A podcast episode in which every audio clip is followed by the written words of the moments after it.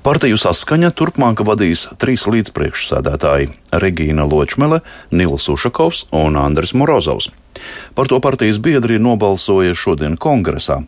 Kongresā izvērtēja partijas sliktos rezultātus pēdējās saimnes vēlēšanās un sprieda par partijas turpmāko darbību.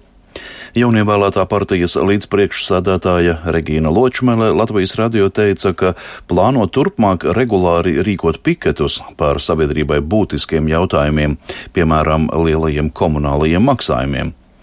Savukārt ilgadējais saskaņas vadītājs Jānis Urbanovičs uz vadošiem posteņiem partijā nekandidēja, bet politiku neatstās. Savā uzrunā viņš aicināja saskaņas biedrus paust vairāk cieņas latvietībai, vairāk cieņas Latvijai. Zaļo un zemnieku savienība izskatīšanai saimā iesniegusi nabadzības mazināšanas likumprojektu paketi. Šajos likumprojektos aicināts samazināt pievienotās vērtības nodokli līdz 5% pirmās nepieciešamības pārtikas precēm un arī medikamentiem. Savukārt dabasgāzei, koksnes kurināmajam, maisaimniecības vajadzībām, elektroenerģijai un obligātā iepirkuma komponentēm aicina pievienotās vērtības nodokli nepiemērot vispār. Izstrādāti arī priekšlikumi akcijas nodokļa likmes mazināšanai degvielai. Ukrainai pašlaik nepieciešami 300 līdz 500 tanku. To intervijā raidījuma sabiedrībai Skaņūs paziņojis Ukrainas prezidents Valdemirs Zelenskis. Viņš pateicās tām valstīm, kas paziņojušas, ka gatavas piegādāt Ukrainai modernus tankus, tomēr piebilda, ka nedrīkst zaudēt laiku tanku nogādāšanai frontē. Ukrainas vēstnieks Francijā Vadims Omeļčenko paziņojis, ka līdz šim rietumu sabiedrotie apsolījuši piešķirt Ukrainai 321 smago tanku. Piegādes termiņi esot atšķirīgi. Eiropas Savienības atbalsts Ukrainai ir neapšaubāms, un Ukrainai ir jāuzvar Krievija. Tā šodien paziņoja Eiropas komisijas prezidente Urzula Fonderleina.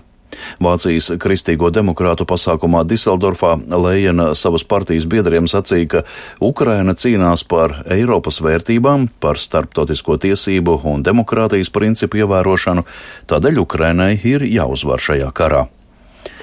Atvaļinātais ģenerālis Petrs Pavels ir uzvarējis šodien notikušajā Čehijas prezidenta vēlēšanu otrajā kārtā. Tā liecina Čehijas statistikas departamenta publiskotie sākotnējie rezultāti drīz pēc balsošanas iecirkņu slēgšanas. Saskaņā ar šiem rezultātiem Pavelu atbalstījuši 56,76% vēlētāju, bet par bijušo premjerministru Andreju Babišu nobalsojuši 43,23% vēlētāju. Vēlētāju aktivitāte bijusi neierasti augsta - 70%. Otrās kārtas uzvarētājs nomainīs prezidenta amatā Milošu Zemanu.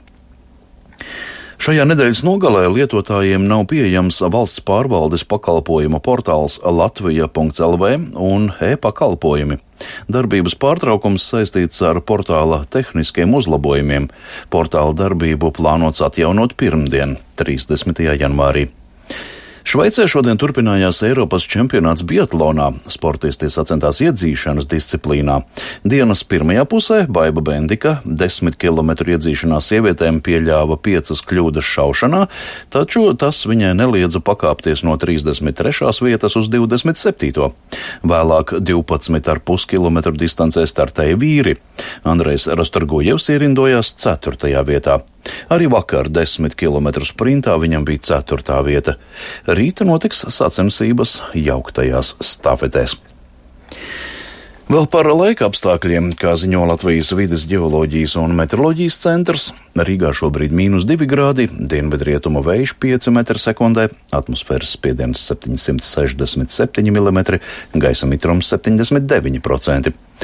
Naktī Latvijā daudz vietas sniegs, vietām atkala, rietumu rajonos arī slapjš sniegs un lietus. Ceļi vietām būs slideni, dažviet arī veidosies migla.